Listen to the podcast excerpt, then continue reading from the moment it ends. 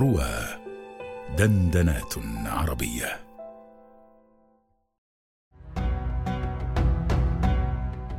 آيات وأبيات مع الأستاذ أبي قيس محمد رشيد على رواه.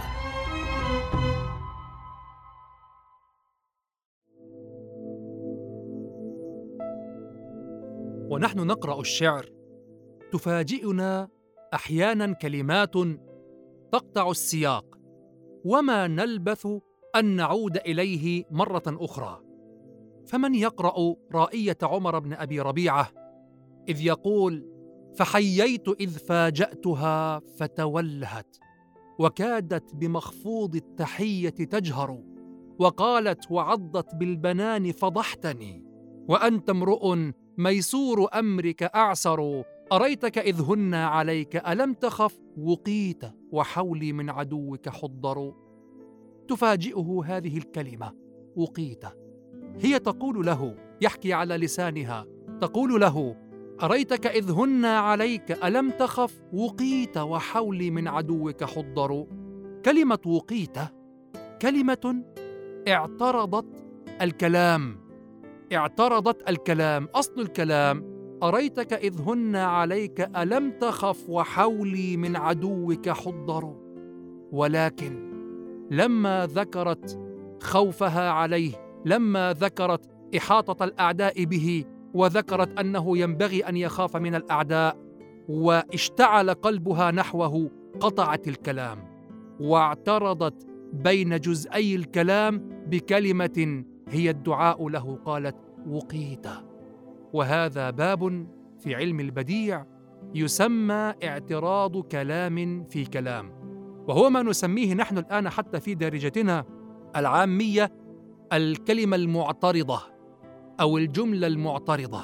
نرى هذا كذلك بارزا في الشعر الجاهلي القديم إذ يقول امرؤ القيس في هذا البيت الذي ملئ شعرا وتكرر معنا كثيرا في هذه الحلقات وصرنا إلى الحسنى ورق كلامنا ورد فذلت صعبة أي إذلال.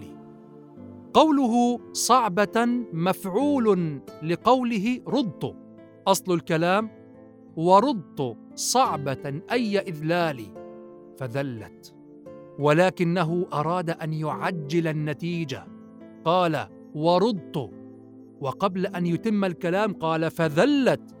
ثم أتم الكلام وأتى بالمفعول صعبة. أراد أنه راضها وقد كانت شامسة عليه فأراد أن يبين كيف هو. تلين له النسوة فقال ورد فذلت صعبة أي إذلال فقدم واعترض بما حقه التأخير. هذا يسمى كما قلت اعتراض كلام في كلام. تأمل قول الله تعالى وهو هنا يشبه من حيث الأصل البياني بيت عمر بن أبي ربيعة. وجل كتاب الله.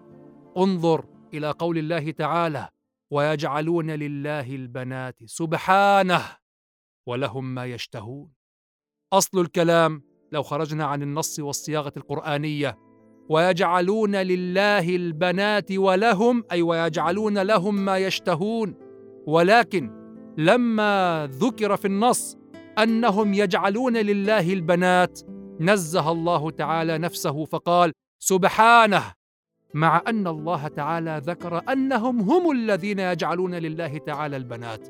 ولكن لفظاعة المناسبة وفظاعة هذا الجعل نزه الله تعالى نفسه فقال سبحانه وهذا اعتراض ويجعلون لله البنات سبحانه.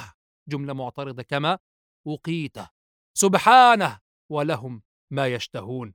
وكذلك انظر إلى قوله تعالى من عمل صالحا من ذكر أو أنثى وهو مؤمن فلنحيينه حياة طيبة. انظر إلى هذه الجملة المعترضة.